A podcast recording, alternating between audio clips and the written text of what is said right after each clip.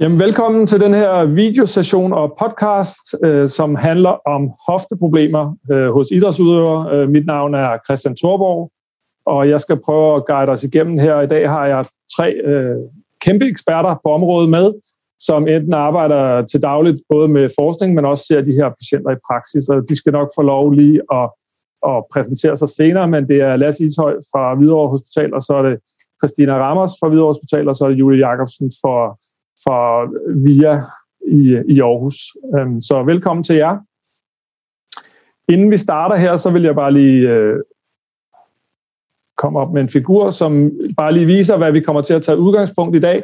Det er først og fremmest øh, idrætsudøvere med lyskesmerter, og langt de fleste idrætsudøvere, vi ser, de vil typisk have øh, nogle problemstillinger, som går i retning af, at det relaterer sig til bløddelene, som her er personificeret ved de sorte streger her, så det er enten noget, der handler om adduktorer, øh, symfysen øh, eller øh, omkring inguinalkanalen, eller i forhold til illusorer. Så det, det er typiske problemstillinger, hvor især adduktor problemstillingerne fylder rigtig meget hos idrætsudøvere. Men det vi faktisk øh, skal snakke om i dag, det er, når de her patienter kommer med lyskesmerter, og det så viser sig, at de faktisk har nogle intraartikulære hofteproblemer. Øhm, og det er en lidt mere sjælden zone, men som typisk også kan give nogle øh, problemer for idrætsudøveren, men også øh, for behandleren, fordi det kan være lidt sværere at have med at gøre, fordi prognosen ofte kan være lidt dårligere. Så det er noget af det, vi skal snakke om i dag. Øh, og den første ekspert, vi skal snakke med i dag, det er Lasse Ishøj fra Hvidovre Hospital. Så hej med dig, Lasse. Vil du lige sige lidt om dig selv, Lasse, inden vi går i gang? Ja, det vil jeg gerne, Christian. Øhm, som sagt, jeg er øhm, her på Hvidovre Hospital, hvor jeg er phd studerende øhm, og vi har færdiggøre en PhD inden for, for øhm, øh, hofte impingement, som jeg har været i gang med de sidste øh, fire år. Og ved siden af den, så, eller som del af den, så ser jeg de her patienter på, øh, på daglig basis og har gjort det de sidste øh, fire år. Ja, præcis. Og det vi skal snakke om i dag, det er jo det, vi kalder for femoral impingement syndrom, og som er noget af det, du ved rigtig, rigtig meget om, og som også er det, som du kigger på. Så i første omgang, Lasse, kan du ikke lige prøve at forklare vores seere og vores lyttere, hvad, hvad femoral impingement syndrom er for noget? Jo, så det er jo i, i 2016, der blev det, kan man sige, der lavede man en definition, som man blev, hvor en, en række eksperter blev enige om, hvad man ligesom skulle skulle, øh, skulle kalde det. Øhm, og det som definitionen er, det er en, det er en bevægelsesrelateret hofteleds øh, dysfunktion, som er bestående af, af tre elementer. Så der er ligesom tre ting, der skal være til stede. Det ene er, at der skal være nogle symptomer. Øh, så man skal have enten klik fra hoften, smerter fra hoften, øh, muren, øh, bevægerestriktioner. Så skal der være nogle kliniske tegn. Øh, og det kommer vi ind på lidt senere, hvad det er, men, men det er for eksempel diagnostiske test, øh, som også skal være positive. Og så skal der være nogle røntgenfund eller nogle billeddiagnostiske indikationer på, at der er noget galt. Øh, og det, øh, ja, det kan vi sådan set godt lige tage nu, hvad det kan være for nogen. Så de, de billeddiagnostiske fund, som, som, som er til stede, for at man kan have denne her kan man sige, øh, diagnose, det skal enten være det, der hedder cam impingement, som vi ser her. Og det er ligesom defineret som en udbygning, eller en knogleudbygning mellem øh, kan man sige, øh, hovedet her og, øh, og lårbenshalsen. Og ellers så kan det være pinser impingement eller pinsermorfologi, som er en udbygning af knogle her på, på acetabulum, så man får en øget overdækning. Og når de her, kan man sige, når en af de her tilstande er til, er til stede, eller til stede i kombination, så øh, og man også har symptomer, og man også har nogle positive diagnostiske test, så kan man puttes i den kasse, der hedder øh, femoral impingement syndrom. Og grunden til, at de her, kan man sige, CAM-morfologi øh, og pinsermorfologi, som, som man kalder dem, er, er relevante at kende til. øhm, det er selvfølgelig dels, at, at der er behov for, for kan man sige, de her fund for at kunne stille diagnosen, øh, men de skaber også kan man sige, nogle forudsætninger, som er mindre gode eller mindre optimale for, for et hofteled. Og sådan som vi tænker det, er umiddelbart, at når man har denne her øde knogleudbygning her mellem hovedet og lårbenshalsen, og man laver, kan man sige, bevægelser, flektion, indad rotation, øh, så skal man forestille sig, at denne her ekstra knogle, den kan man sige, den, den ændrer ligesom, kan man sige, konturen her på, på femurhovedet, så den bliver mere affladet her. Og det gør, at hvis den her hofte kommer i fleksion, så forestiller man sig, at det her ekstra stykke knogle ligesom kommer ind her under labrum og trykker på labrum. Øhm, og hvis det gør det tilstrækkeligt mange gange, så kan man så forestiller man sig, at der sker kan man sige, dels labrumskader, men også kan man sige, alt efter størrelsen på, på den her knogleudbygning, øhm, også brugsskader. Så man skal ligesom forestille sig, at den her kommer ind under her, trykker på labrum og skralder brusken øh, nedad her. Så man får, oftest får man det, man, man kirurgisk kan kalde et wave sign, øh, som, som på dansk vil være sådan et, et bølge, øh, ja, et brusk, der ligesom bølger. Og der kan man sige, kirurgisk vil man se det ved, at hvis man trykker her, hernede, så vil man ligesom se, at brusken bølger op her. Så den har ligesom sluppet, kan man sige, acetabulum. Og det, det er nogle af de problematikker, som man tænker KAM-morfologien øh, ligesom øh, bidrager til. Så, som, altså, så man kan sige, at det bliver til en intraartikulær problemstilling, ja. øh, som, som primært rammer ledlæber og brusk. Ja, så, så som sådan tænker man jo ikke, at det her ekstra stykke knogle er et problem. Øh, og der, der er masser af eksempler også på, og det er der masser af data på også, at der, der er virkelig mange, som har det her ekstra stykke knogle, uden at, kan man sige, uden at, uden at det er noget problem.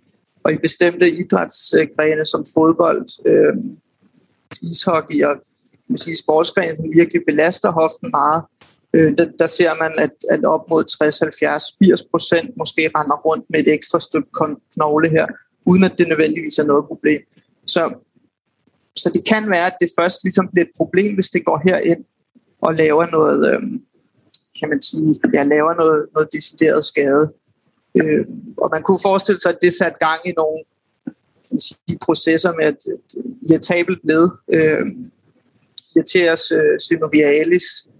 Og, ja, for, ja, for hvor kommer smerten fra, vil jo være det, det, det spørgsmål, man nok vil tænke over. Som ja, altså så man, ja, ja, præcis. Altså så man ved, at der kan man sige, labrum er forholdsvis øh, der er en ret høj densitet af smertefibre. Så, så det ville være et oplagt sted at tænke, at smerten kom fra.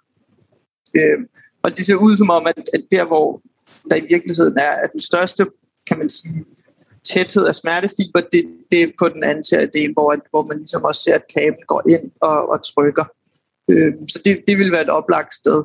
Så kan man sige, der, det ser ikke ud som om, der er sådan rigtig smertefiber i brusken, men man kunne godt forestille sig, at hvis man ligesom laver noget skade på brusken og på den underliggende knogle, at man sætter gang i nogle processer, som, som kan man sige, dels bare irriterer ledet, og man får sådan en irriteret øh, omslagsfold. Øh, og man kan, også, man kan typisk se også, hvis man, hvis man ultralydsscanner nogle af dem her, at der, at der er øget væske inde i ledet, øh, som ligger så ned langs. Så, så der sker i hvert fald en eller anden reaktion, øh, som, som, som formentlig kan sensitisere nogle, nogle, øh, nogle frie nerveender og give noget smerte. Men som sådan er det jo ikke knoglen, der, der, der, der giver smerten, men det er bare måske bare et, kan man sige, en, en struktur, der ligesom er med til at starte den underliggende proces. Ja, så, der, så det du også siger, det er, at der, du kan godt have den der underliggende øh, knogle der, eller ekstra knogleformation, uden at du har femmer altså impingement syndrom. Øhm. Ja. ja, det vil man jo se masser af eksempler på, og, og det er blandt andet også noget af det, som, som der blev lagt ret stor vægt på i 2016, kan man sige, at, at, at man ligesom skal opfylde tre kriterier øh, for at have, eller for at gå ind i den kasse, der hedder FAI-syndrom. Øh, så man skal også have symptomer. Så, så det er ikke nok bare at se et røntgenbillede og så se, at der ligger noget der, der er noget ekstra knogle her, så tænker vi, okay, det her må være hofteimpingement. Øh, fordi hvis der ikke er nogen specifikke tests, som er positive, og hvis, hvis patienten heller ikke har det kliniske billede på at have impingement, så, så er det formentlig bare noget knogle, der er der, fordi at, øh, at, at man kan sige, når, når, det, når det findes i, i 60-70 procent af, af specifikke, øh, eller ja, hos, hos atleter i specifikke sportsgrene, så, så er det nok kan man sige, så er det jo mere normalt, end det er unormalt at have. Øh, og så er, det, så er det nok i virkeligheden lidt svært at tale om, at det skulle være en patologi i sig selv. Øh, ja. Og det er også derfor, at man, man, ligesom, man lægger ret stor vægt på at bare kalde det en morfologi. Øh. Ja, og hvordan, Lasse, hvis du sådan meget kort skulle prøve at give et indblik i de her to morfologier, så den ene, hvordan du kaldte for CAM, og den anden, ja. hvordan du kaldte for pinser, altså hvor, hvorfor får man dem? Ja, så, så vi kan starte med pinser, det er næsten den, den øh, korteste lige at forklare. Øhm, fordi den, den, den ser ud som om, at den, den mere eller mindre er genetisk bestemt. Øhm, kan man sige, det, den, den, man kan have pinsermorfologi af forskellige årsager. Det kan, dels kan man have en, en lokal udbygning af acetabulum, og dels kan ens acetabulum være drejet på en måde, som, som som gør, at, øh, at kabut er mere øh, dækket fortil. Øhm, og det, det vil være mere sådan en genetisk... Øh, ja, det, der kan man sige, der kan man være heldig eller uheldig, den måde, man ligesom er født med sin hoste. Øhm, CAM, det ser ud som om, at øh, med den viden, vi har nu, at det er noget, man erhverver sig i løbet af den, ligesom den periode, hvor, hvor man ser skeletal vækst. Øhm, og det, det starter allerede omkring 10-12 års alder. Og man skal forestille sig, at 10-12 års alderen, der ligger der en vækstskive her henover, som er åben. Øh, kan man sige, og det, og det er fuldstændig normalt. Og når man belaster den øh, ved for eksempel at dyrke idræt, øh, fodbold, ishockey, håndbold, øh, løb og andre kan man sige, aktiviteter, der, der sætter ekstremt meget stress på, på hoften, øh, så, så enten kan denne her kan man sige, kan ledhovedet skride en lille smule tilbage, øh, og så kan man sige, den måde, som, som kroppen ligesom prøver at kompensere på det på, er ved at bygge noget ekstra knogle her. Øh, og den anden, kan man sige, og det kan også være, at ledhovedet ikke skrider tilbage, men alligevel prøver man at forstærke det her område øh, ved at bygge noget knogle på. Og, og det har man, man har efterhånden sådan ret gode indikationer på, at, at, øh, at det er det, der sker både fra computersimuleringer, øh, hvor man kan se, at specielt aktiviteter i ud af rotation og flektion, ligesom belaster det her område. Øhm, og man har også ret gode tværsnitsstudier, hvor man har kigget på, øh, på unge drenge og piger, som, som dyrker forskellige øh, sportsgrene, og kan se, at, at de sportsgrene, hvor man tænker, at øh, kan man sige, det er primært for fodbold, men hvor, man, hvor hoften bliver meget belastet, og hvor kan man sige, drenge og piger de, de starter i en tidlig alder, øh, der ser man også bare, at, at, øh, at man har større øh, kabemorfologi. Og det ser ud som om, at det passer meget godt også med den mængde af sport, som, som de laver. Øh, så der er sådan et, et, et ret godt øh, dosis-responsforhold. Så jo mere aktiv man ligesom er i fra, fra 10-årsalderen og, og frem til, til den her vækstskive lukker sig omkring 18-19-20 år, øh, der kan man sige, så øh, jo mere aktiv man er, jo større cam ser det ud som om, at man, man ligesom får lavet sig.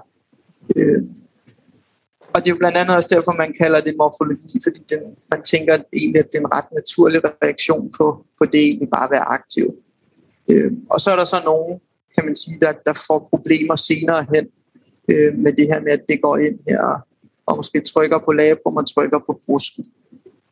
Øh, ja, så, de, så der, der skal være nogle andre ting til stede, også andet end bare den der knogle, så, og måske også nogle ting, vi ikke helt forstår, så hvorfor er det lige, at det er Sofus, der ender med at få hofteproblemer, men ikke, ikke Benjamin, øh, yeah. der er et eller andet der. Som, er der andre faktorer, du kender til der, Lasse, som, som ser ud som om måske at kunne betyde noget på sigt på, i forhold til hvem der får det? Nej, jeg, jeg tror ikke, der er... Nej. Øhm, altså, jeg, det er jo lidt, jeg, jeg tror, kan man sige, det er jo nok en eller anden øh, en kombination af præcis lige, hvordan ens hofte ser ud, og så belastningsgraden, og hvor meget kage man lige har fået, kan man sige, opbygget. Øh, jeg tror ikke, at der er nogen faktorer som, lad os sige, muskelstyrke, eller den måde, man bevæger sig på, eller altså, jeg, jeg har svært ved at se, at noget af det ligesom skulle kunne, kunne gå ind og modificere det her. Øh, kunne man forestille sig, at der var noget vævstyrke også, eller altså noget mere, sådan, mere, mere genetisk betinget også, der gjorde, at nogen var mere Ja, det tænker jeg. Det, det, det, tror jeg mere, det tror jeg mere på. Disponeret end andre, men, men, men på nogle faktorer, vi ikke helt kender endnu. Ja, ja, og måske også nogle faktorer, som i virkeligheden er lidt svære at gøre noget ved. Ja. Øh, så jeg tror, det er svært at tale om forebyggelse af det her. Ja. Øh, mindre at forebyggelsen er, kan man sige, at råde folk til ikke at dyrke idrætter, som, øh, som belaster hoften. Ja, det vil gå lidt imod øh, anbefalinger til ja, det vil gå imod mange ting. Og, og til det skal det jo også sige, at det er jo heller ikke farligt. Altså, det er jo på ingen måde farligt at få det her. Øh, og det er nok i virkeligheden et fortal, som ligesom, kan man sige, som, som vi ender med at se i klinikken, og som ender med at komme herud på videre i forhold til, hvor mange som render rundt med sådan en hofte. Nej, og man kan man også ligesom, hvis vi skulle se det sådan bagudskuende i et perspektiv, så er det jo ikke noget, der kun har eksisteret de sidste 20 år. Øh, og vi kender også gamle røntgenundersøgelser, øh, hvor ja. vi ved, at, at, at det her har eksisteret også langt inden vi overhovedet kunne diagnostisere det. Så vi ja. kommer til at snakke diagnostik om lidt, men, men, men, men der er et eller andet omkring også i forhold til overdiagnostik, overdiagnostik her, man måske også skal, skal være opmærksom på, at, at, at bare fordi vi lige pludselig kan se noget, vi ikke har set før, så er det ikke det samme som, at alle har problemet. Ja, nej, nej, bestemt. Øh, jeg tror, at nogle af de første indikationer på det, de, de er helt tilbage fra nærmest urtiden, hvor man har fundet nogle, øh, nogle skeletter og gravet op og egentlig set, at de har det her. Så det er jo ikke noget, ja, det er ikke noget nyt fænomen. Nej. Øh, men så er der nogle svejser omkring de, to, de, de, de tidlige 2000'er. Øh, en, en svejtisk gruppe med nogle kirurger i spidsen, som, som kan man sige ligesom øh, ja, fandt på at kalde det femårs tabular impingement, øh, og kom op med en kirurgisk øh, teknik og, og viste, at man kunne behandle det her med, at øh, går vi lidt ind i behandling, men ved at, at skære det her af. Øh, og, og kan man sige, og så siden der 2003, så, så har man set, kan man sige, en, en øget forekomst af det, når man kigger i litteraturen, og, og når man kigger i, i, i, artikler, der ligesom prøver at, at omfavne problemet hofte- og lyskesmerter, så ser man også lige pludselig, at det her det dukker mere og mere op og bliver mere og mere prævalent. Øh, og det er jo formentlig bare, fordi man er blevet opmærksom på, at der er noget, der hedder det. Ja. Øh, og det er jo formentlig blevet meget mere prævalent, end det burde være i virkeligheden. Ja, og det, det bringer nemlig til det næste spørgsmål også, og vi også til øh, den næste ekspert, vi også har med, som er Christina Ramos. Øh, Christina, du kan, du kan måske også lige introducere dig selv øh, først. Ja, jeg hedder Christina, og jeg er fysioterapeut herude på Hvidovre Hospital. Øh, jeg har tidligere arbejdet både i kommune og, og privat øh, på privatklinik, så jeg har set de her patienter nærmest i alle de settings, der er for dem. Ja. Ja, og derfor det er det jo også altså et oplagt spørgsmål, og det er jo, øh, kan man sige, det kunne jo være, når man nu får stillet den her diagnose, øhm, og det kunne jo være ude hos os på Hvidovre Hospital, eller og, og du har haft relevant billeddiagnostik indover også, og man kan se, at der er noget at se øh, på knoglen. Der er det der, som Lasse kalder for morfologi, og der er måske også klinik, der gør, og symptomer, der gør, at man vil kalde det for, for fejl, altså femoral impingement syndrom. Hvad, altså, hvad gør den patient så, når de bliver sendt videre herfra, eller hvad gør terapeuten, der modtager den her patient? Hvordan forholder man sig til det? Det kan, som, som Lasse også siger, det kan jo godt lyde som sådan lidt drabelig diagnose, og samtidig er det måske også sådan lidt en diagnose, som måske har været lidt sådan, øh, er blevet over, der er blevet overtolket lidt på. Så hvordan forholder man sig til de her patienter, når, når, de, når de har den her diagnose? Altså i virkeligheden i bund og grund, så forholder man sig jo til dem på samme måde, som man forholder sig til alle mulige andre patienter, man møder forhåbentlig. Man undersøger dem og prøver at finde ud af, eller afdække, hvad der er deres problem. Øh, er det bevægelighed? Det vil jo ofte være smerter hos den her type patienter, der generer dem. Og så selvfølgelig også på en eller anden måde afdække, hvad har de behov for at kunne? Fordi den her type af patienter, det dækker jo i virkeligheden over alt lige fra top elite fodboldspillere til øh, helt almindelige mennesker, som bare gerne vil kunne øh, cykle på arbejde og træne to gange om ugen i træningscenteret. Så på en eller anden måde afdække, hvad er deres mål, hvad vil de gerne nå? Jeg tror langt fra alle behøver at blive opereret. Øh, så det, jeg tænker ikke, at det er sådan en, så skal du opereres. Det er det, der skal til. Øh, men man vil ofte kunne forsøge sig med træning i en periode.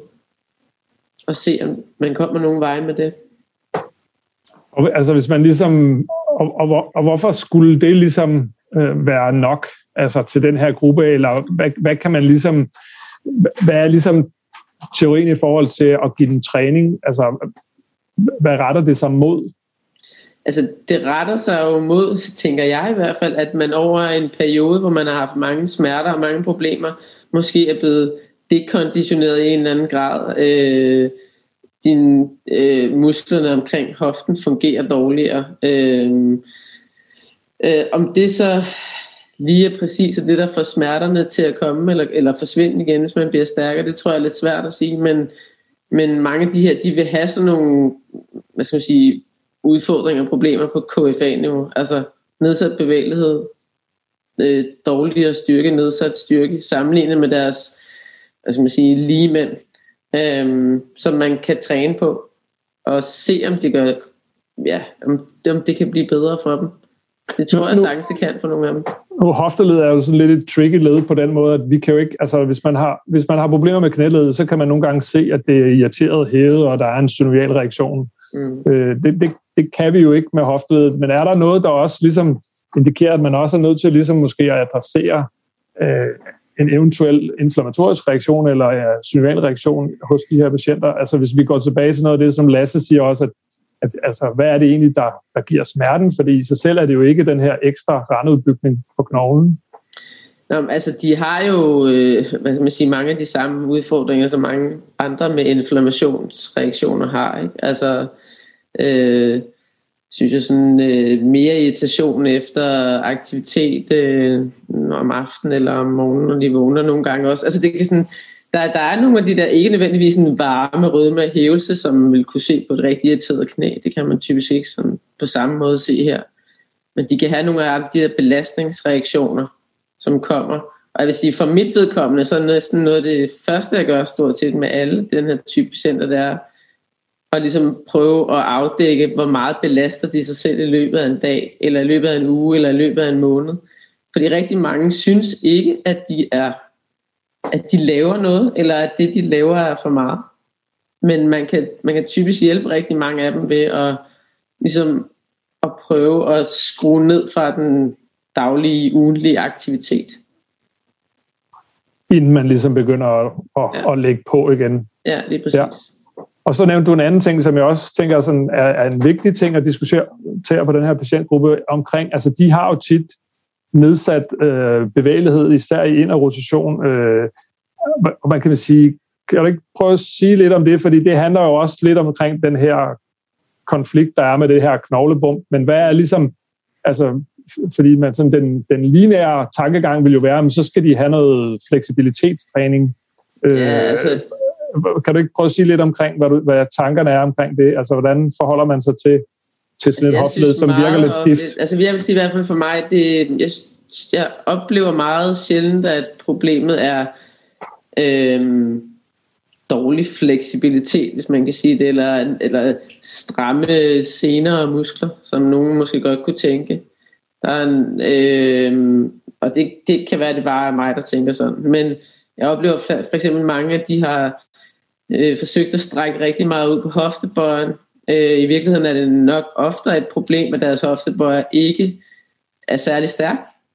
Øh, og det samme er, kan formentlig godt være udtrykket med andre ting, men så kan man jo sige, i og med at de har den her morfologi, som så på et eller andet tidspunkt har medført deres problemer, så skal man måske i en periode lade være med at squatte meget dybt, eller øh, ja, spille fodbold, eller alle de andre ting, som gør, at man skal ind i den bevægelse, som irriterer ledet.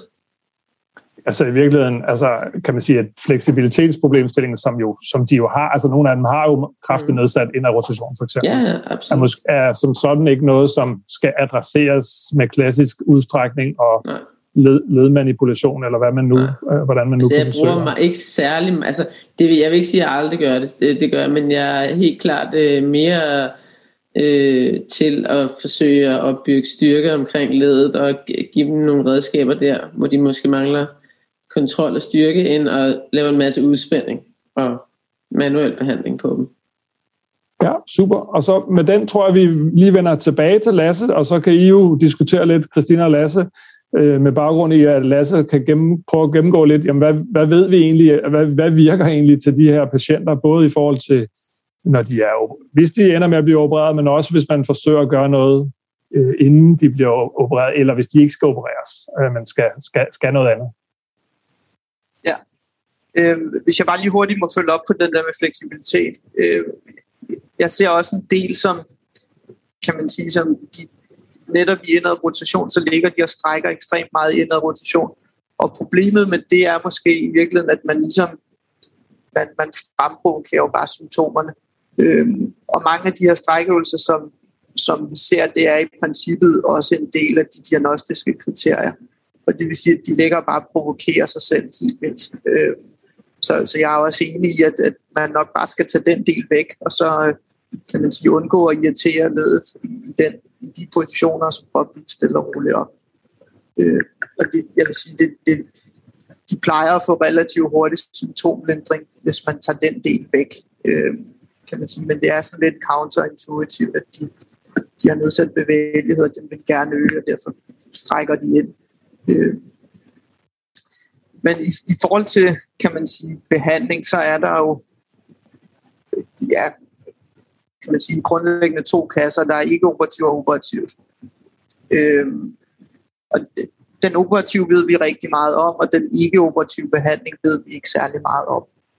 Øh andet end at, end at det ser ud som om, at ikke-operativ behandling kan løfte patienterne eller gøre patienterne bedre i et vist omfang. Øh, vi ved ikke særlig meget om, hvad der skal, kan man sige, hvad for nogle, om der er øvelser, der er bedre end andre, om der er tilgang, der er bedre end andre, men, men sådan som det ser ud, så, så kan man sige øh, aktiv øvelsestræning eller terapi, eller hvad man vil kalde det, øh, 8 til, til 12 uger, øh, er nok et meget fornuftigt sted at starte.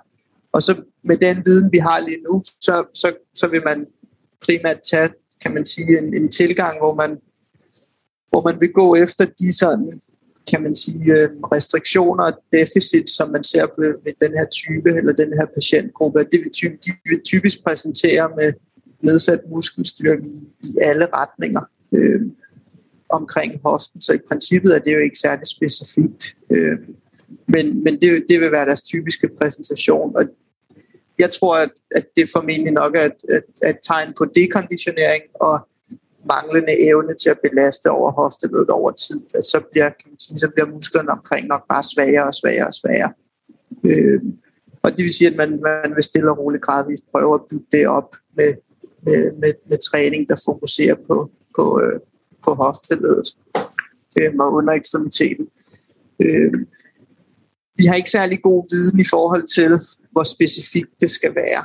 Øh, så, så man er nok, det er en meget god start, hvis man, hvis man fokuserer på, øh, på, ja, på øvelser omkring hofteled, og øvelser, som ikke gør ondt øh, i første omgang, eller ikke irriterer. Og det, som jeg synes, der ser ud som om at irritere mest, og det må du lige, Christine, også give dine erfaringer på, det er, hvis man laver meget sådan, kan man sige, øh, kombineret abduktion og ud af rotation, synes jeg generer ekstremt. At det, det ser jeg, det generer ret meget ved mange. Og jeg tror, det hænger lidt sammen med, at kan man sige, når man går ud i den stilling, så ser, man, så ser det også ud som om, at man strækker ret meget på labrum. Så hvis man har det, som er irriteret i forvejen, så irriterer man måske endnu mere. Øh, så, så jeg tror, det er en god idé at starte med, kan man sige, øh, øvelser, der, der, der nogenlunde, kan man sige, øh, belaster ledet inden for ja, neutral position, eller i hvert fald ikke kommer ud i helt yder positioner. Øh, og så undgå... synes, der er absolut ude af rotation, og så også meget dybe fleksioner. Ikke? Der er ja. nogen, der insisterer på at blive ved med at squatte meget dybt, for eksempel. Det er typisk ja. også en ting, som kan irritere ledet rigtig meget.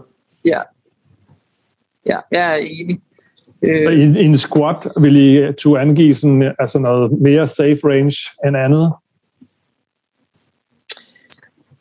Altså jeg tror egentlig, det er meget forskelligt fra patient til patient. Eller, det, nogen vil godt kunne øh, komme, hvad man vil synes var hvad man sige, dybere ned end 90 grader, men der vil også være nogen, som nærmest slet ikke kan squatte. Det vil jeg kigge meget på patient. Og hvor vigtigt er det for dem at squatte? Altså nogle gange er det jo mere, fordi det er vigtigt for dem, der træner dem, men for, altså, fordi vi synes, det er noget, man skal kunne, men det er ikke sikkert, det er så vigtigt. Øhm, der er andre måder at træne kvælresems på. Ja. End ved at sidde. Ja, og vel også, man behøves vel ikke at komme under 90 for at ramme quadriceps. Nej. Øhm, men der kan være noget med udgangspositionen, Christina, ikke? Hvad, altså, hvis, hvis nu folk, hvis du gerne vil have patienterne i en squat, er der noget, du justerer ind eller ud, eller selv, eller dem selv justere, eller uh, hvordan altså, forholder du dig til det? Meget på, altså, egentlig så der er jeg meget enig med Lasse, at man, der vil være nogle positioner, som er mere irriterende, og så vil man øh, typisk prøve at rette det. Nogen har for eksempel fået at vide, at de skal stå med fødderne indad, eller nogen har fået at vide, at de skal stå med fødderne lige. Men hvis det nu generer dig helt ekstremt, og jeg ved godt, det er jo ikke specielt øh, interessant på en eller anden måde, at man kigger på hver enkelt patient, og så ligesom prøver at rette ind. Det er ikke særlig sådan noget, man kan putte ned over alle, men det er egentlig det, jeg gør. Øh, så hvis du gerne vil squatte, og det er vigtigt, og det, og det er noget, vi skal gå i, så må vi finde en position, hvor i du kan squatte. Øh, og det kunne for eksempel være rette på fødderne, men mest hvis det betyder noget for patienten og deres smerter.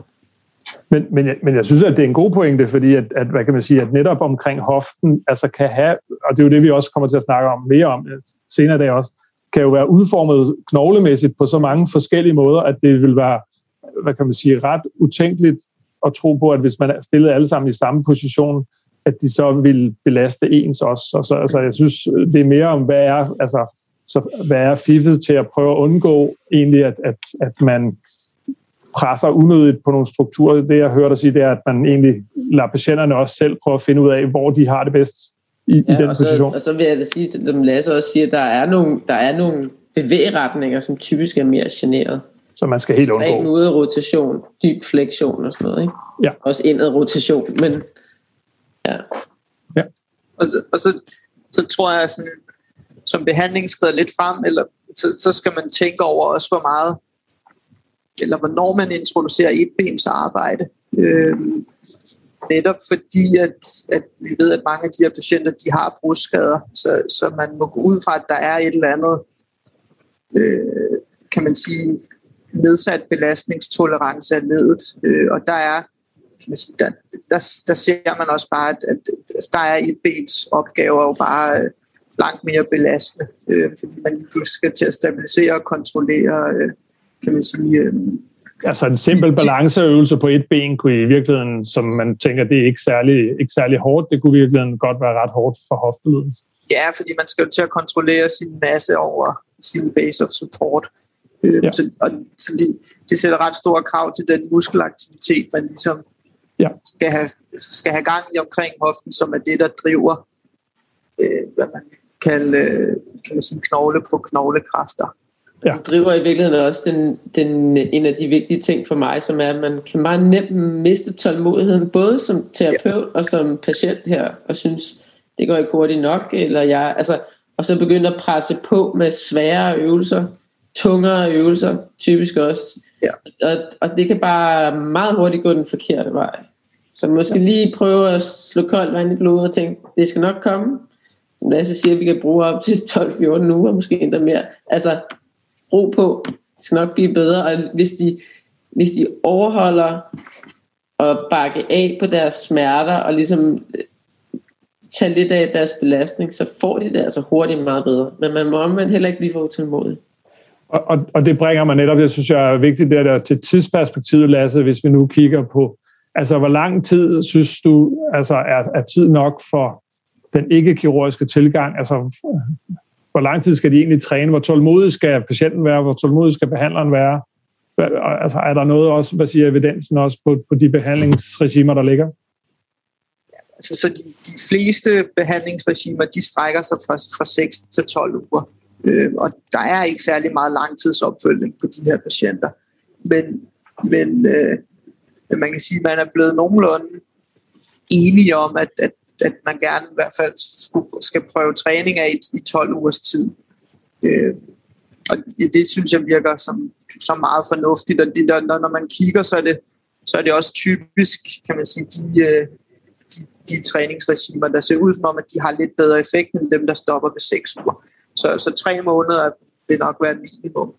der ligger lidt langtidsopfølgning øh, på det, som, som indikerer, at man, man måske ser endnu bedre resultater efter et år. Altså, så, så man skal nok, øh, kan man sige, det er jo ikke en, det er formentlig ikke en, en proces, som stopper efter tre måneder, og så er man flyvende. Øh, det, og på de kirurgiske patienter, Lasse, hvad, hvad, hvad, hvad vil du sige? Så nu, hvis patienten ender med at få den kirurgiske behandling, hvor man fjerner noget af den her knogle, måske også øh, hvad kan man sige, rekonstruere noget af ledlæben, øh, forsøger at, at bevare brusten så godt man kan, og så videre. Hvad, hvad, hvor lang tid genoptræning vil, vil i første omgang være sufficient? Altså, vi, jeg vil tro, at altså, man er nok, jeg tror ikke, man får så meget, som, som man måske burde, hvis det, hvis det var den helt ideelle verden. Øh, hvis det var den helt ideelle verden, så ville jeg tro, at man et sted med seks måneder op til et år, øh, og måske i virkeligheden længere tid nogle gange. Øh, man, man ser typisk sådan forbedringer op til et år, måske nogle gange lidt mere forbedringer efter, efter to år, men, men det ser ud som om, at man nogenlunde når et, et niveau efter et år. Øh, og så, så det er jo bare en, en langvarig proces i forhold til at blive bedre. Øh, så, så det er ikke bare at fjerne et stykke knogle, og så, og så kører man. Og Christina, stemmer din kliniske erfaring overens med, med det, som Lasse siger der? Fuldstændig. Altså, øh, selv når jeg har været i kommunen, hvor man ser dem lidt længere tid, så kan det typisk godt være nogle frustrationer om, hvordan det går, måske efter et halvt år, eller 7-8 måneder, men i virkeligheden så, så, så tror jeg, at det er min oplevelse, at hvis de venter til efter et år, så har de måske et bedre billede af, hvordan det kommer til at se ud. Øhm, så igen, det er de der langsigtede briller, og virkelig have noget tålmodighed med den der genoptræning, og måske også virkelig grænske, om man har gjort alt, hvad man kunne i forhold til genoptræning og sin træning, før man helt afviser, om det er blevet bedre. Super. Og så tænker jeg tænker, inden vi lige går videre, så kan Lasse lige få lov måske at, at, slutte lidt af. Han er jo en af dem i Danmark, der har set flest af de her, som, hvad kan man sige, som, som hvor vi i hvert fald forsøger i første omgang med en, en træningsbehandling, uden at man går til kirurgi. Øhm, og det er ikke, fordi han kender resultaterne for det endnu, men alligevel, Lasse, altså, er der nogle ting, hvor du tænker, øhm, altså, det her, det ved vi ikke nok om. Altså, hvad kunne ligesom være interessant, når vi nu øh, her i, i glaskuglen de næste år, er der nogle ting, hvor du tænker, at det der gad jeg godt at vide lidt mere om, fordi det vil faktisk hjælpe vores behandling af, af både dem, som vi tænker ikke skal opereres, men også dem, som skal opereres. Ja. Jeg tror noget af det, som kunne rykke noget, det ville være sådan, hvis man kunne få en, fornemmelse, en bedre fornemmelse af, hvad der præcis driver symptomerne, øh, så man kan måske skræddersy sin, sin træning eller sin behandling endnu bedre i forhold til det. Øh, og så dels også, hvad der, kan man sige, hvad der, hvad der driver en, en prognose. Fordi at min erfaring er, at, at man, man har, der er nogle patienter, som allerede, kan man sige, hvor man allerede har fornemmelsen efter to, tre, fire uger, at de kommer ikke til at rykke sig, uanset om de kører 12 uger, eller fire måneder, eller fem måneder. Øh, og man kan sige, det tror jeg vil, kan man sige, den viden, som den håber jeg, vi får i, i fremtiden, så vi, så vi bliver skarpere på, hvad det er for nogle patienttyper, som, hvor, hvor, den, kan man sige, hvor, hvor det giver god mening at træne.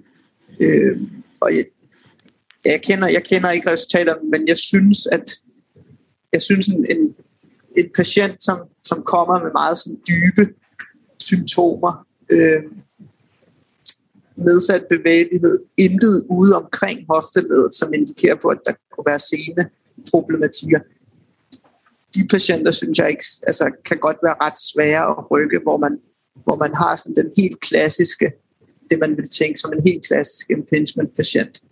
Øh, hvorimod de patienter, som, kan man sige, som nogle gange kommer med sådan lidt mere diffuse, de har måske også lidt ude omkring ledet, og, og sådan det, dem synes jeg nogle gange kan være lidt nemmere i virkeligheden at gå til øh, og rykke.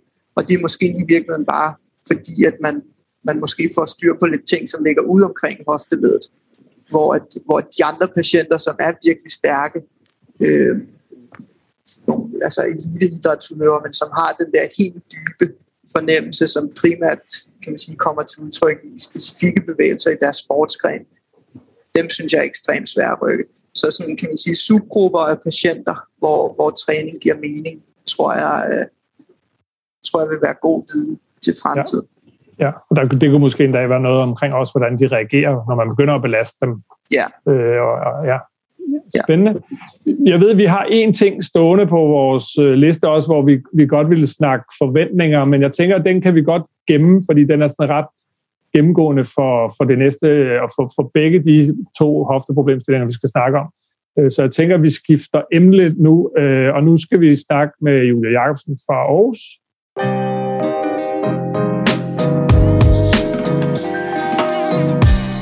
Og Julia, hun er super ekspert i hoftedysplasi. Øh, Julia, kan du ikke lige fortælle lidt om dig selv og hvad, hvad du laver?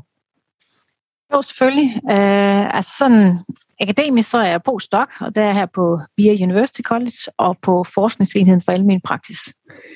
Men udover det, så har jeg arbejdet med patienter med hoftedysplasi igennem rigtig mange år. Øh, jeg tror faktisk over 10 år lige nu øh, hvor jeg egentlig startede med at behandle de her patienter øh, i forbindelse med en ansættelse på hospital, øh, hvor jeg var fysioterapeut og behandlede de her patienter både øh, i forbindelse med individuelle øh, træningssessioner, men også i forbindelse med holdgenoptræning efter operationer.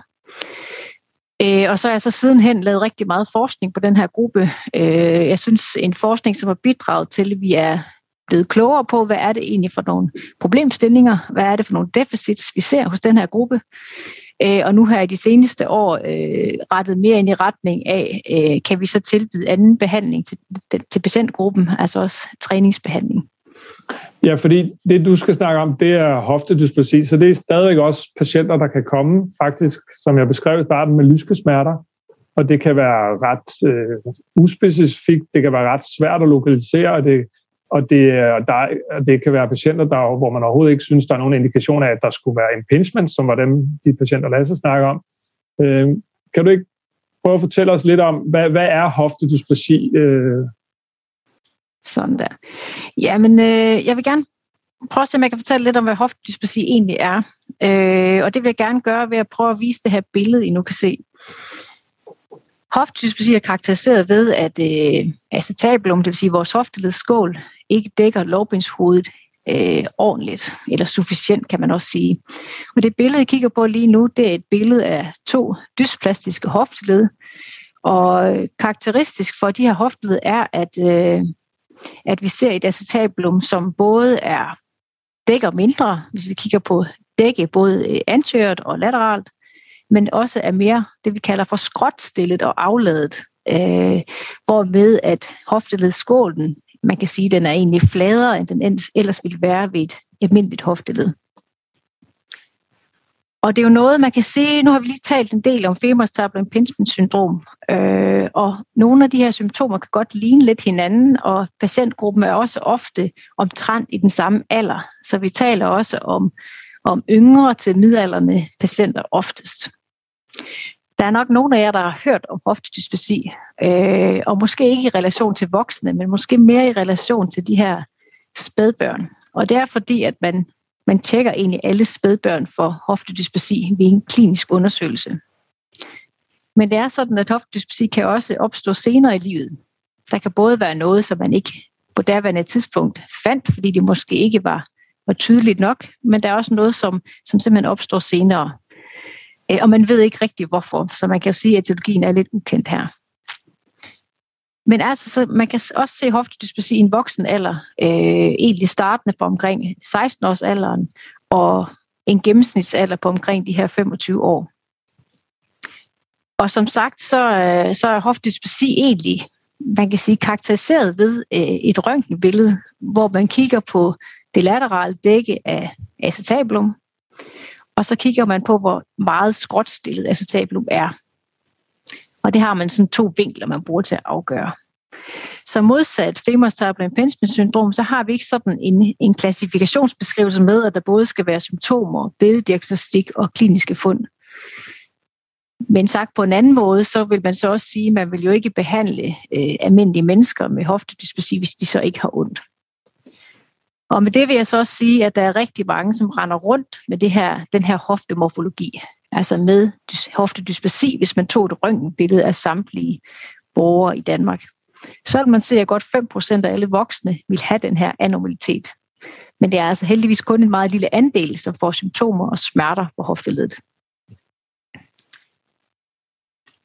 Og så ved jeg ikke, om jeg skal prøve at tale lidt om, hvad er det egentlig for nogle symptomer, vi ser. Øh, ja, du må, du må gerne sige lidt om altså, den typiske patient, og måske også sådan, så vi andre kan genkende patienten lidt tidligere, så vi ikke misser dem, havde han sagt. Altså, hvad er det for, hvad for nogle ting er det, der gør, at du nogle gange tænker, her skal vi lige være ops på hoftedysplasi?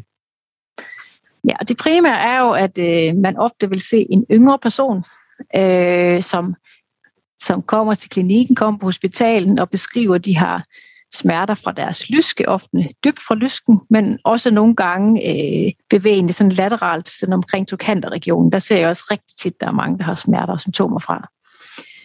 Så vil det ofte være en kvinde. Øh, modsat femurs impingement syndrom, så ser vi faktisk, at der er en stor andel af de, der henvender sig med smerter, det er kvinder. Kigger vi på de henviste patienter, så er 80% kvinder. Men kigger vi bare på alle personer, hvor vi kunne tage et røntgenbillede af samtlige, så er det kun så er det 5 procent, og så fordeler det sig egentlig lige mellem køn. Men der er et eller andet med at få symptomer og smerter, det ser vi simpelthen meget normalt hos kvinder. Så det vil typisk være en yngre kvinde, øh, og jeg vil se de her symptomer gående fra lysken til trokanterregionen. Så ligner de resterende symptomer egentlig rigtig meget det, som, øh, som Lasse også fortalte om tidligere, at de vil have ofte aktivitetsrelaterede smerter. Øh, de vil have symptomer og deficits, de vil have nedsat muskelstyrke. Vi vil ofte se øh, en nedsat evne til at deltage i fritids- og sportsaktiviteter. Og mange patienter vil også tale om, at de sådan oplever en, en muren, en irritation øh, dybt i deres lyske, enten i forbindelse med eller lige efter de har dyrket fysisk aktivitet. Og så den grunden til smerterne, den ligner egentlig lidt den, vi også ser ved femørstabler impingement syndrom i og med, at det her skråtstillede og, og, øh, og acetabulum, som ikke dækker lovbindshovedet helt, det gør, at ledet er mere sårbart. Når vi så går ud og bruger vores, vores krop og bruger vores hofte, så vil sådan et dysplastisk hofteled være mere sårbart for, at der kan komme skader på, på det, vi kalder for ledlæben, eller, eller ved ledbrusken øh, i hofteledet.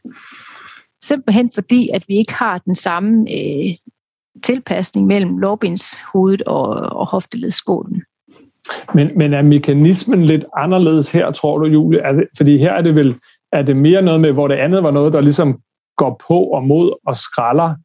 Hvad, altså, øh, er der noget, er der mere, hvad, hvad kan man sige, den her manglende stabilitet fra ledet, giver den noget altså instabilitet, eller er det noget shear force, eller hvad er det ligesom, altså, hvad er det, der ligesom generer, tror du? Har du? Ved man noget om det? Ja, det ved man godt, og man ved, det har noget at gøre med de her shear forces eller forskydningskræfter. Så i og med, at vi har et led, som altså knoglemæssigt er mere instabilitet, instabil, vi har ikke så meget knogledække, så ved almindelig bevægelse, så vil der bare ske flere af de her forskydningskræfter ved bevægelse, og det så over tid simpelthen kan give øh, skader på ledlæben. Og, og, og brusken vel også, eller hvordan? Ja, og også brusken over tid. Altså, hvis, ja. Man ser ofte det her med, at det starter med ledlæben, og så kan det bevæge sig over til ledbrusken. Fordi hvordan er, og det fik vi ikke snakket om, men det ved du jo også en masse om, altså i forhold til øh, Lasse der, noget vi ikke lige har snakket om det med, fordi de, sådan rent prognostisk, så har de her, begge de her patientgrupper er jo i øget risiko for at få for artrose, ikke? Eller hvordan er det med det? Altså vi kan se, at der er en sammenhæng imellem at have altså enten femurstable impingement syndrom eller dysplasi, altså have den her hoftemorfologi, og så forekomst af artrose. Mm. Der er aldrig lavet sådan en studie, hvor man har fulgt, og så ser, at det udvikler sig til artrose. Så det ved vi faktisk ikke sådan helt firkantet. Men vi kan se, at der er en, øget sammen, at der er en sammenhæng. Ja, så det er, det er en lille smule bagudskoene, når vi har kigget på de der ting. Ja, det har det været, ja. Ja. Ja og også lidt nogle studier, som har været lidt, lidt svage, hvis man kan sige det på den måde. Så, ja. så vi har ikke sådan rigtig stærk øh, viden om det her, det er sådan, det hænger sammen. Det ved vi ja. faktisk ikke. Ja, det er en god pointe. Øhm, og så hvis vi lige vender tilbage til, til, hvad kan man sige, så igen, så dysplasien eller den manglende dækning, eller hvad kan man sige, jeg det, det er morfologien. Ja. Og, og smerterne igen, de kommer, hvor kommer de fra her i den her til, ved den her tilstand? Jamen, øh, jeg vil sige, at der er sådan to typer af, af smertebilleder hos den her gruppe, som er meget almindeligt. Altså, de fleste af de her patienter, så når de begynder at opleve smerter, så vil de have en eller anden form for interartikulær smerte, øh, som ofte altså kommer fra ledlæben for langt de fleste personer, vil jeg tro.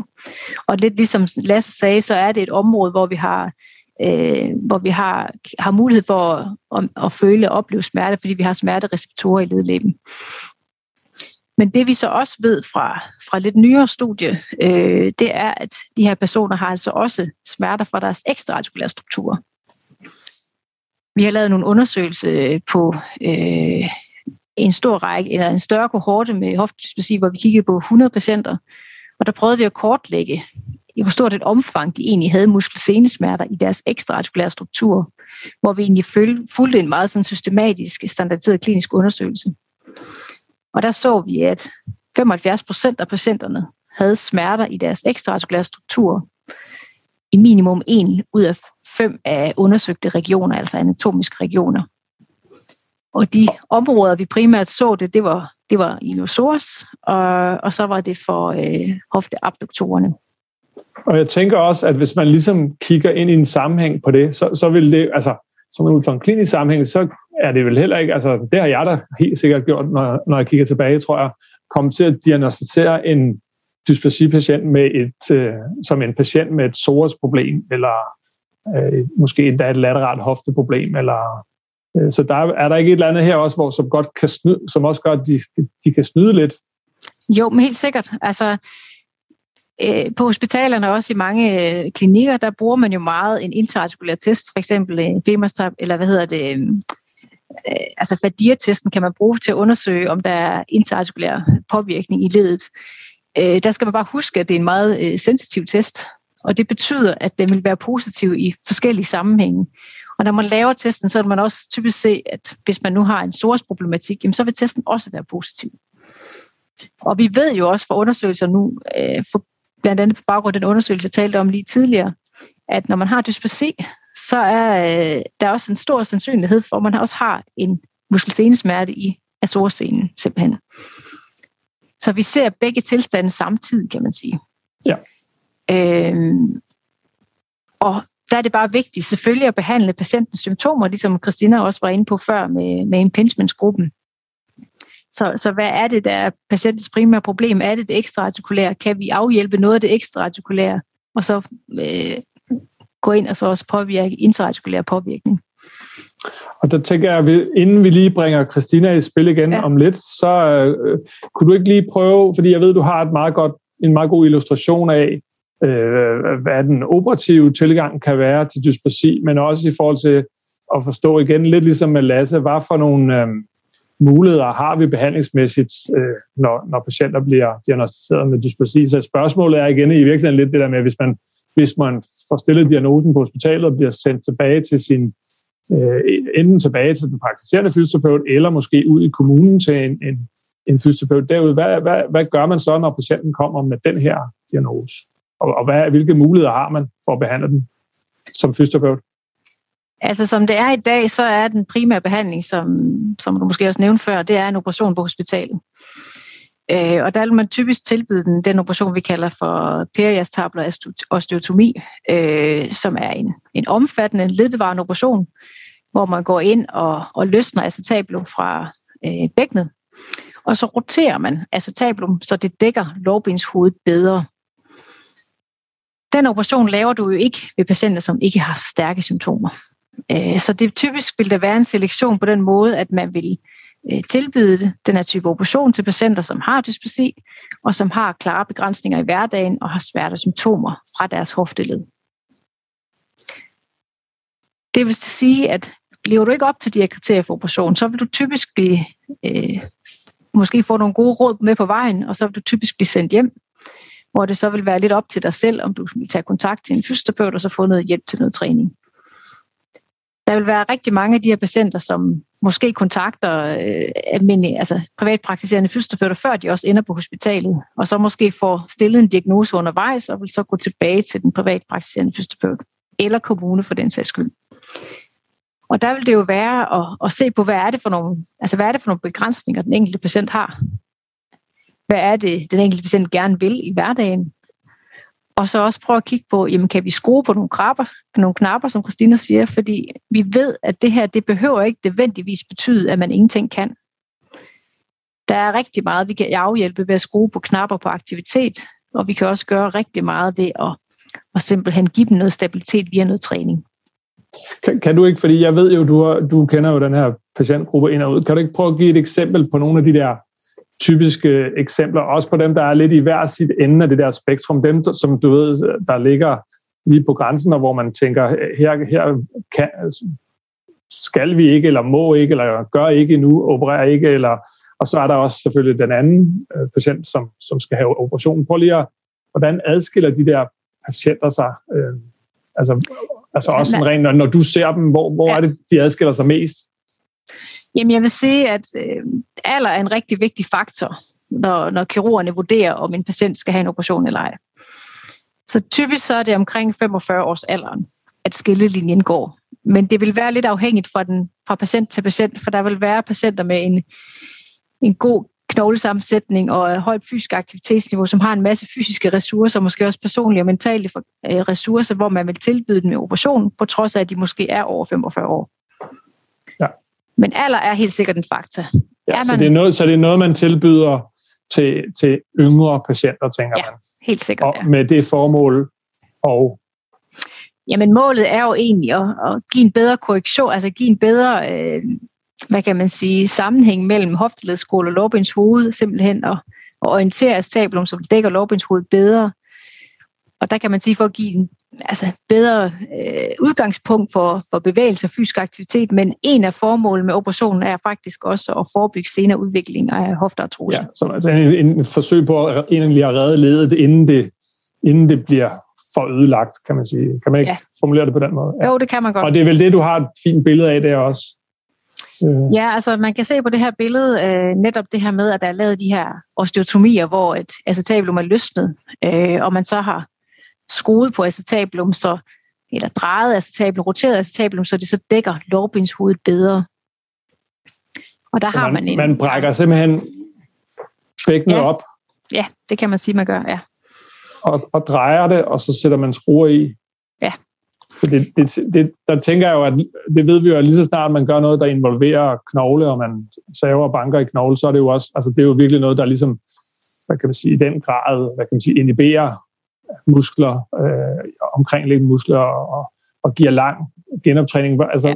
hvis man får sådan en, en operation der, hvornår, hvornår er man ligesom, hvor lang, hvor lang tid skal man genoptræne? Det, det kan vi jo høre, Christina, hun har haft en del af de her patienter, men hvad, hvad siger, vi kan lige tage forskningen først, hvad siger forskningen ulever?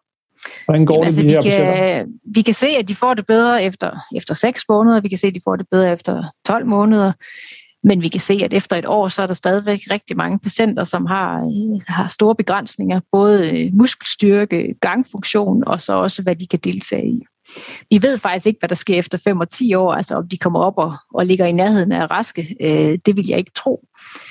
Vi har en del langtidsopfølgninger øh, via altså sådan spørgeskemaer, hvor vi kan se, at, at de, kommer alt, de kommer på sigt til at ligge noget lavere end, end personer, der ikke har dyspasi, end raske personer. Og tænker, det kan, her kan vi, det var, det var dit øh, kodeord, Christina. Kan du, kan du sige lidt om, fordi du ser jo de her patienter, og ligesom Julie også har set dem, så har du også set en masse af de her patienter, også gennem flere år, kan man sige. Og, og det er jo ikke en, nu må du lige korrigere mig, Julie, men altså, det, er jo ikke, det er jo også en lidt nyere ting, at man, altså, hvor, lang, hvor mange år er det, I har lavet det i Aarhus? Øh, øh. Jamen, det er siden 2008, at Kjeld Søbald er begyndt at, at lave ja. den her type operation. Så, så på den måde er det jo en lidt, lidt, lidt nyere ting. Ja. Jeg, jeg skal lige supplere lidt, fordi nu nævnte jeg alder, men øh, sådan noget som øh, vægt, altså BMI, har også en stor betydning for, om man bliver tilbudt en operation eller ej. Så og hvis man så har de, ja. for højt BMI? Ja, så, så får man ikke operationen. Og hvor er skæringspunktet der? Det er omkring et BMI på 25, men igen så har, jeg vil sige, grænseværdien har lidt slag, fordi at har du at gøre med en, en atlet, som har masser af muskelfylde og derved vejer lidt mere, så er de mm. tilbøjelige til godt at vil tilbyde en operation. Men er det en person, som ingen muskelfylde har, og det er en anden form for vægt, de har, så vil de ikke tilbyde operationen. Og så, ja, Og så er der selvfølgelig også begyndende artrose. Altså har man begyndende artrose i ledet, så tilbydes man heller ikke den her type operation. Så med de ord, Christina, hvordan, øh, hvordan ser de her patienter ud, når de kommer ud i kommunen? Eller, det er jo primært i kommunen, du har set dem, er det ikke det? Jo, og øh, altså, jeg vil sige, jeg, har, jeg ved i hvert fald ikke, at jeg har stor erfaring med dem konservativt behandlet. Så er det nok primært øh, der, hvor de kommer og opereret på den ene side og har en hofte på den anden side, der ser lige sådan ud. Øhm, så det er primært operativt, at min erfaring er med dem, og jeg vil sige, at de har en del smerter, når de er blevet opereret. Det er måske ikke så stor en øh, overraskelse, når man ser den operation der. Øhm, og så synes jeg, der må Julia måske også lige hjælpe lidt her, at det er en gruppe af patienter, som ofte har gået og brugt rigtig mange år på at finde ud af, hvad der dog er galt. Så de ligger lavt af min erfaring, øh, sammenlignet med deres øh, aldersmæssige øh, tilsvarende patienter. Og jeg synes også, de er som regel er, hvad skal man sige, dårligere end FA, end fejlspatienterne. Øh, de har brugt rigtig lang tid på at nå frem til, at det er det her, der er problemet. Øhm, og så ved jeg faktisk ikke, Julie, det kan man sidde til at tænke på, da du taler om symptomer, fordi jeg synes, at rigtig mange af dem her har cirkuleret som rygpatienter. Mm. Øh, og måske er det sådan en øh, ting, de har ved siden af, eller også er det noget, de får på grund af deres hofte, det ved jeg ikke rigtigt, men der kommer jeg til at tænke på, hvad du oplevede der. Ja, og det, det er lidt sjovt, du siger det, fordi det, det har faktisk ikke været undersøgt systematisk, det her med, med rygproblematikker hos patienter med hoftedysplasi. Men som du også rigtig nok siger, så har, ser jeg meget almindeligt, at øh, der er specielt lænderygsmerter hos mm. den her patientgruppe. Øh, og vi målte det i mit sidste studie, og der fandt vi, at det var, du kan ikke huske tallet, men det var majoriteten, der har lænderygsmerter øh, hos den her gruppe. Øh, og jeg vil sige, det giver også lidt god mening, hvis man tænker på, at man har at gøre med et led, som ikke er helt knoglemæssigt stabilt. Øh, vi har simpelthen ekstra retikulære strukturer, der er på overarbejde. Og specielt øh, iliosores, muskulaturen, iliosores muskulaturen, den dækker jo hen over hofteledet og har også tilhæftning til de nederste lændevivler. Ja. Så, så det sætter store krav til de ekstra, ekstraartikulære strukturer og, og også til, til ryggen, som også skal kunne fungere øh, hos den her gruppe. Og som du også siger, du er fuldstændig ret. Der kan gå mere end 10 år for nogle patienter, før de finder ud af, hvad de egentlig fejler. Det er ikke unormalt, at jeg ser patienter i 40-50 års alderen, som har fortalt, at de har haft ondt altid. Fuldstændig. Øh, og det er jo klart, at de har jo tilpasset deres aktivitet og deres hverdag og deres arbejdsliv, efter at de har ondt. Og for rigtig mange har de også reduceret fysisk aktivitet i, i så høj grad, at de er sådan tæt på en, en altså de er ikke særlig aktive, og de passer rigtig meget på ikke at irritere deres led. Jeg er fuldstændig enig. Det er, det er det, man ser. De har, mange af dem har virkelig brugt lang tid på at nå til overhovedet at få den der operation, og det er måske også det, der gør, at de kan være lidt svære at hive op på niveau. Både det er en stor operation, men de har også, som du selv siger, de har reduceret, reduceret, reduceret deres aktivitetsniveau over mange år, øh, for ligesom at kunne nå en tålelig tilværelse. Og det, det, det oplever jeg, at man mærker, når man når til genoptræningen mm. øh, af de her patienter. Det skal, så, ja, det skal så siges, at jeg tror, man er blevet bedre til at fange det, man har gjort ja. tidligere. Mm. Så jeg tror, den her lange, lange år med ukendt sygdom, den, den bliver kortere. Ja. Øhm, og jeg tror ikke, man kan tale om, at man overdiagnostiserer her, for det er jo, det er jo unge, yngre mennesker, som har virkelig ondt, og som Absolut. er meget begrænset. Absolut. Og, og der, vil, der kunne jeg jo godt ja. tænke mig bare lige at tilføje også, fordi det, det er jeg absolut enig med dig i, at, hvad kan vi sige, at det her er noget, man er blevet meget bedre til at fange. Og, men det giver så den anden udfordring, øh, og det er dem, som Christina så også siger, nævner, dem har du ikke så meget erfaring med, Christina, fordi du har set mange af de her efter til genoptræning.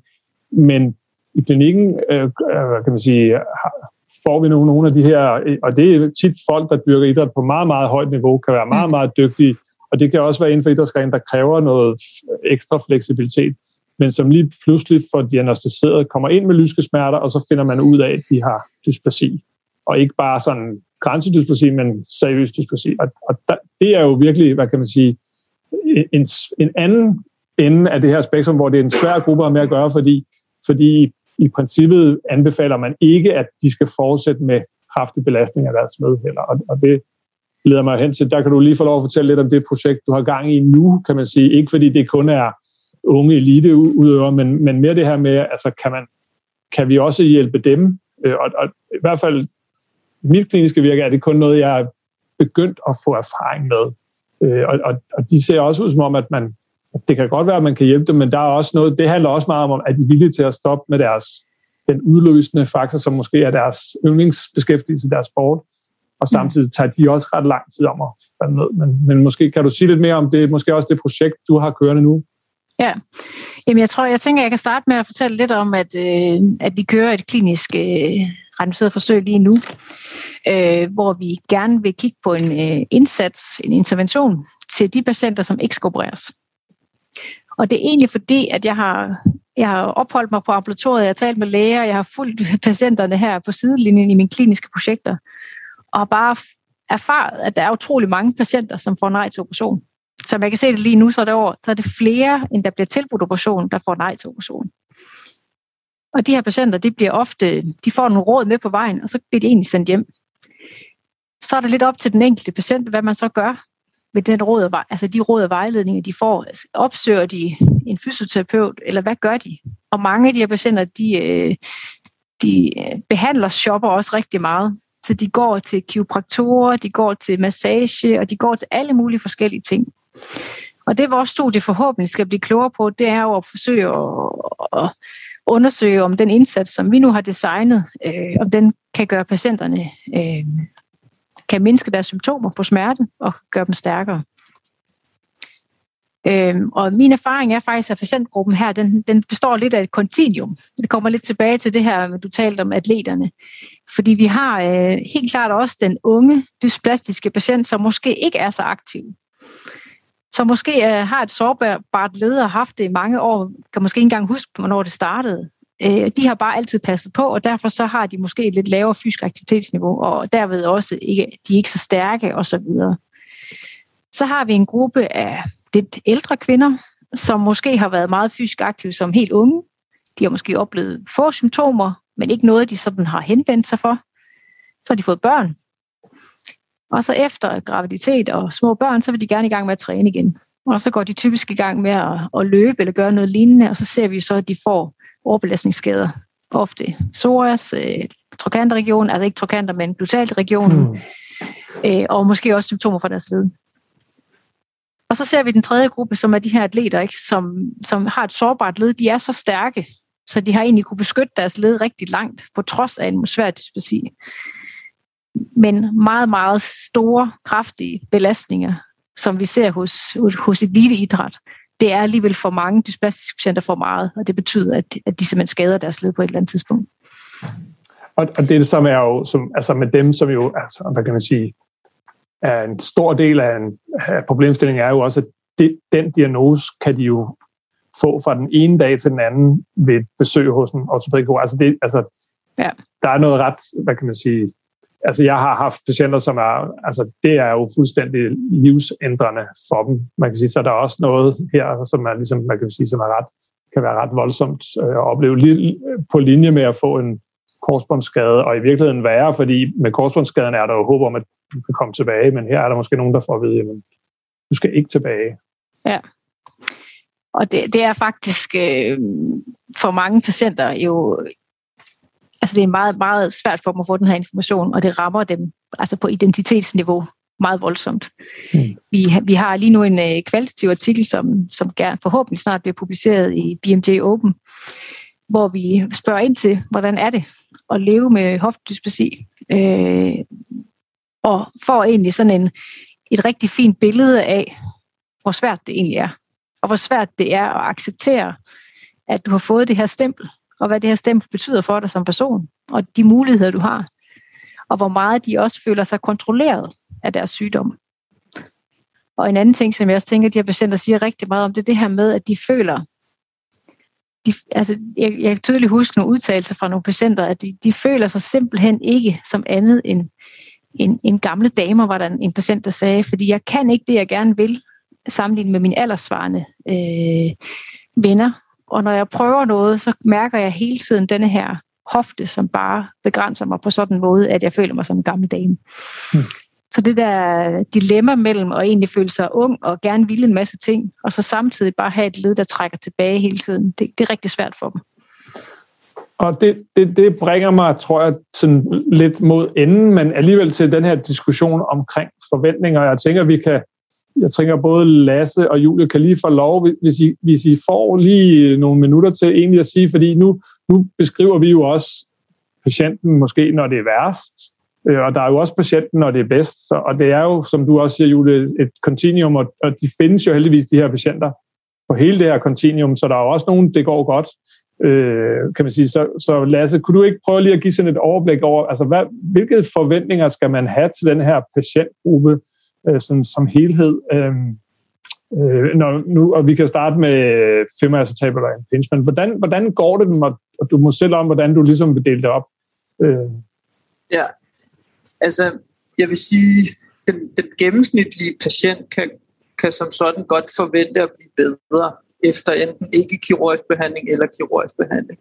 Øh, det, det synes jeg, det, det, er en ret realistisk forventning, fordi det ser vi for langt de fleste patienter.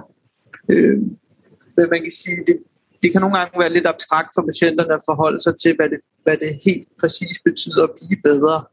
Øh, det kan være, at de, de bare kan gå lidt længere, eller altså fra det, og så kan det være helt frem til, at de kan, kan man sige, gå tilbage til at spille fodbold. Og i, i det spektrum, der, der varierer det ekstremt meget i forhold til, hvad de skal forvente. Øh, kan man sige, hvis man tager, hvad, der, hvad man kan forvente efter operation, så man kan forvente, at det går forholdsvis godt for den gennemsnitlige patient, men man kan stadig forvente, at 1, 2, 5 år efter, at man, man har nogle gener fra sit hofteled. Øh, jeg synes ikke, at det er en, det er ikke en, det, det er en urealistisk forventning, at man bliver smertefri. Øh, og det er det, fordi at det, det er der ikke særlig mange, der bliver. Øh, det, det er heldigt, hvis man bliver, men det er, en, det er en urealistisk forventning at have. Og det er det både efter øh, kirurgisk behandling, men også efter ikke-kirurgisk behandling. Så har du sætte nogle procenter på, Lasse? Jeg ved jo, du har nogle data jo.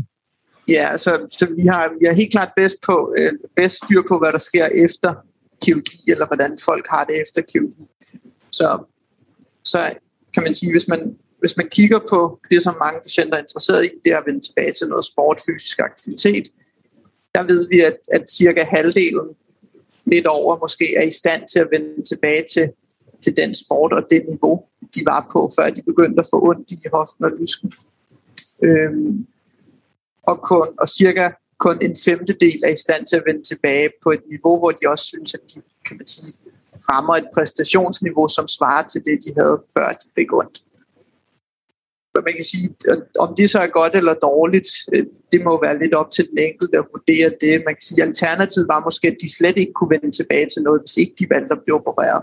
Så, så det er svært at sige, om det her det, om det er dårligt. Øh, men man, man kan sige, det er i hvert fald bare sådan, at det er. Øh, den gruppe, som, som, kan man sige, som ikke vender tilbage til deres specifikke sportsgren eller på det niveau, ud af, ud af de patienter er der rigtig mange, der bare vender tilbage til en eller anden form for fysisk aktivitet. Så der er rigtig mange, der sådan, kan man sige, adapterer lidt til, hvad de nu kan. Øhm, så, så rigtig mange kan, kan, man sige, kan blive ved med at være fysisk aktive. Øhm, det, det, synes jeg, det synes jeg, det er jo en fin besked, tænker jeg i hvert fald, og tænker jeg også, nu kan vi lige, Julie kan få lov at se, hvor meget information hun kan give med, med de data, hun har, så kan, så kan Christine jo få lov at slutte af og sige, hvad, hvad kan jeg bruge det til som, som terapeut, fordi det er jo alligevel, hvad kan man sige, det er jo det, man står med, men Julie, hvordan ser det ud på dysplasierne her? Jamen, jeg synes egentlig, det ligner meget det, Lasse han fortæller. Øh, at vi, altså jeg vil sige, den gennemsnitlige, gennemsnitlige patient, vi kunne forvente at blive bedre. Og det er uanset om det er kirurgisk eller non-kirurgisk behandling. Altså ved, ved ikke-kirurgisk behandling, træningsbehandling, der har vi ikke så mange studier. Øh, der er nogle enkelte studier, og jeg har selv lavet et, et visibility-studie, hvor vi snart kommer ud med nogle data. Og der kan vi se, at vi kan rykke patienterne, både på smerter og symptomer, og vi kan gøre dem stærkere. Og også, også i en grad, så, de, så det, er, det er så meget, så vi regner med, at patienterne selv kunne mærke, at nu har jeg det altså bedre. Øh, og noget lignende ser vi også for operationerne. Altså det er, øh, det er lignende forbedringer, vi også ser ved operationerne. Øh, og typisk så forbedrer de så de her omkring 20 point på en skala ud af, ud af 100 point, altså hvor de måske starter på en 40-50 point ud af 100, og så ender på en omkring 70. øh, efter operationen. Det er sådan typisk det billede, vi ser på den gennemsnitlige patient. Og spørger man patienterne, hvor, hvor og patienter uden er, problemer vil typisk ligge helt op omkring. Ja, patient, altså hvis man ikke har dysplasi, hvis man ikke har, hvis man, man sige, man ikke har symptomer fra sit led, så vil man ligge sådan helt op omkring 100. Ja. ja. Og nu er der ikke lavet, altså det her med, at man kan vende tilbage til sport og sådan noget, det er slet ikke lavet så detaljeret på dysplasi-patienter. Der er lavet et, øh, et større studie, hvor man har spurgt patienterne, om de er tilfredse med deres resultat. Og der svarer 84, 84 procent, at det var de. Øh, så der er jo så omvendt 26 procent, som ikke var tilfredse og ikke vil gøre det igen. Øh, så der er, øh, der er rigtig nok en viden, vi mangler. Altså, vi, vi mangler at blive bedre på øh, at finde ud af, hvilke subgrupper af patienter har egentlig gavn af den her operation, og hvilke subgrupper har, har godt gavn af en træningsintervention. Og, og kan vi give en træningsintervention, måske i starten, og så trække operationen lang tid, og så er det måske først en operation, når man er langt senere i livet, der kan blive aktuelt. Ja, og på, nu tænker jeg lige i forhold til operationen, øh, altså PRO'en, som hedder den der, hvor man brækker knoglen op og drejer den rundt og sætter den på igen, der, der er der vel også en eller anden diskussion af, når du kommer, jo tættere du kommer på de 45, så, så er det noget med, at man er over i at måske skulle have en ny hofte, så der er også ja. et eller andet der, hvornår kan det ene betale sig i forhold til det andet, og, og, og at de nye hofter i hvert fald typisk ikke har et helt lige så langt efter rehabiliteringsforløb, så der er nogle overvejelser der. Ja. Og vi, altså, i Danmark er, og i, sige, i hele verden er vi jo rigtig gode til at indsætte kunstige hofter. Og, mm. og det er en langt mindre aggressiv operation. Øh, ja. Patienterne bliver bedre hurtigere, så er selvfølgelig en diskussion værdig. Altså, hvor, hvor lang tid kan vi trække øh, mm. en patient træningsmæssigt, og er det så bedre inde i en kunstig hofte, end at skulle have det her ledbevarende? Det ved vi jo ikke endnu. Så, så med de ord, Christina, hvad hedder det, fra eksperterne i Danmark her på det her område, hvad, hvad, hvad, hvad, kan, hvad kan du som kliniker bruge det til? Altså, ja, jeg vil sige, at jeg håber, at det, eller det jeg tænker, jeg personligt får ud af det, og som jeg håber, andre klinikere også får ud af det, er, at vi har en opgave som dem, der træner øh, patienterne med at måske at justere forventningerne til, hvad der sker. Øh, egentlig både efter en operation, men også når de ikke bliver opereret. Øh, det er ikke fordi, vi skal nedgradere forventningerne til, eller fortælle folk, at det bliver aldrig godt, men man skal måske også øh, nogle gange prøve at huske på, at, at vi laver ikke nødvendigvis de her operationer for, at man skal ende med at kunne løbe et maraton eller blive professionel fodboldspiller. Øh, for langt de fleste normale mennesker, men for at man ikke længere skal have ondt i dagligdags aktiviteter, og måske stadigvæk kunne dyrke en eller anden form for sport øh, på et eller andet niveau. Øh, ja, det, det tror jeg er det vigtigste, jeg kan sige til folk, at man, og, og skal jeg være med til at hjælpe patienten med at justere forventningerne. Ja, og jeg tænker også, at der er vel også en, et vigtigt budskab i forhold til, hvis man som fysioterapeut ikke har set de her patienter før, at, at man måske også som terapeut skal nedsætte forventningerne til, hvad det er, øh, Absolut. Selv, ja, hvor, hvor det er, man tror, man kan bringe patienten hen. Fordi det, ja. øh, uden, uden, som du siger, uden at blive øh, deprimeret og uden at, at, at miste troende, altså, men i virkeligheden at følge forløbene lidt, og så vil der være nogle forløb, og det kan være, at Lasse vil sige, at vi er 10-20 procent, hvor det måske i virkeligheden går rigtig godt, også på CAM, øh, også efter operation. Måske også nogle af dem uden operation, vi ved ikke, hvor meget det er. Øh, og det samme på dysplasien, at indimellem har man jo også virkelig nogle gode forløb Absolut. med nogle patienter, hvor man hjælper dem hele vejen, og nogle gange har man også det modsatte. Ja, Ja, ja, så man heller ikke bliver helt deprimeret som terapeut, tænker jeg, hvad han dårligste Ja, du er ikke. Ja, ja der, der synes jeg egentlig også lige, at jeg vil tilføje, jeg har også mødt rigtig mange patienter, som har fået den her PRO-operation, og som har fået det rigtig meget bedre efter det, ja, og føler, at de har fået livet lidt tilbage. Så det skal man jo også huske, det hjælper også rigtig mange. Jeg tænkte lige, at jeg vil knytte en lille kommentar, og det er det her med, hvis nu står man med en ung patient, og man er i tvivl om, at det er det ene eller det andet, så synes jeg, der er, en vigtig, der er et vigtigt symptom, som adskiller sig fra impingement syndrom og så dysplasi. De ligner jo hinanden, symptomer, alder osv., men patienter med dyspepsi vil ofte fortælle om sådan en oplevelse af instabilitet. Altså de oplever, at de har en dårlig balance, eller når de går på ujævnt underlag, så har de svært ved at, at, at holde deres hofte ordentligt. De føler, at de skrider ud. Det er ofte sådan nogle beskrivelser, de, de kan fortælle, hvis man spørger ind til, hvordan deres hverdag og hvad de kan i hverdagen. Og det synes jeg er et vigtigt, det er en vigtig oplysning, fordi det er tit det, som kan være, altså, kan være beskrivelse af at have dyspepsi. Mm. Ja, og med, jeg tænker, at vi, vi slutter med de ord. Øh, tusind tak til alle sammen. Det var ekstremt lærerigt. Uh, jeg håber også, at der var rigtig mange øh, fysioterapeuter og idrætsfysioterapeuter, der følte med derude øh, og fik en masse ud af det. Så tusind tak til alle sammen.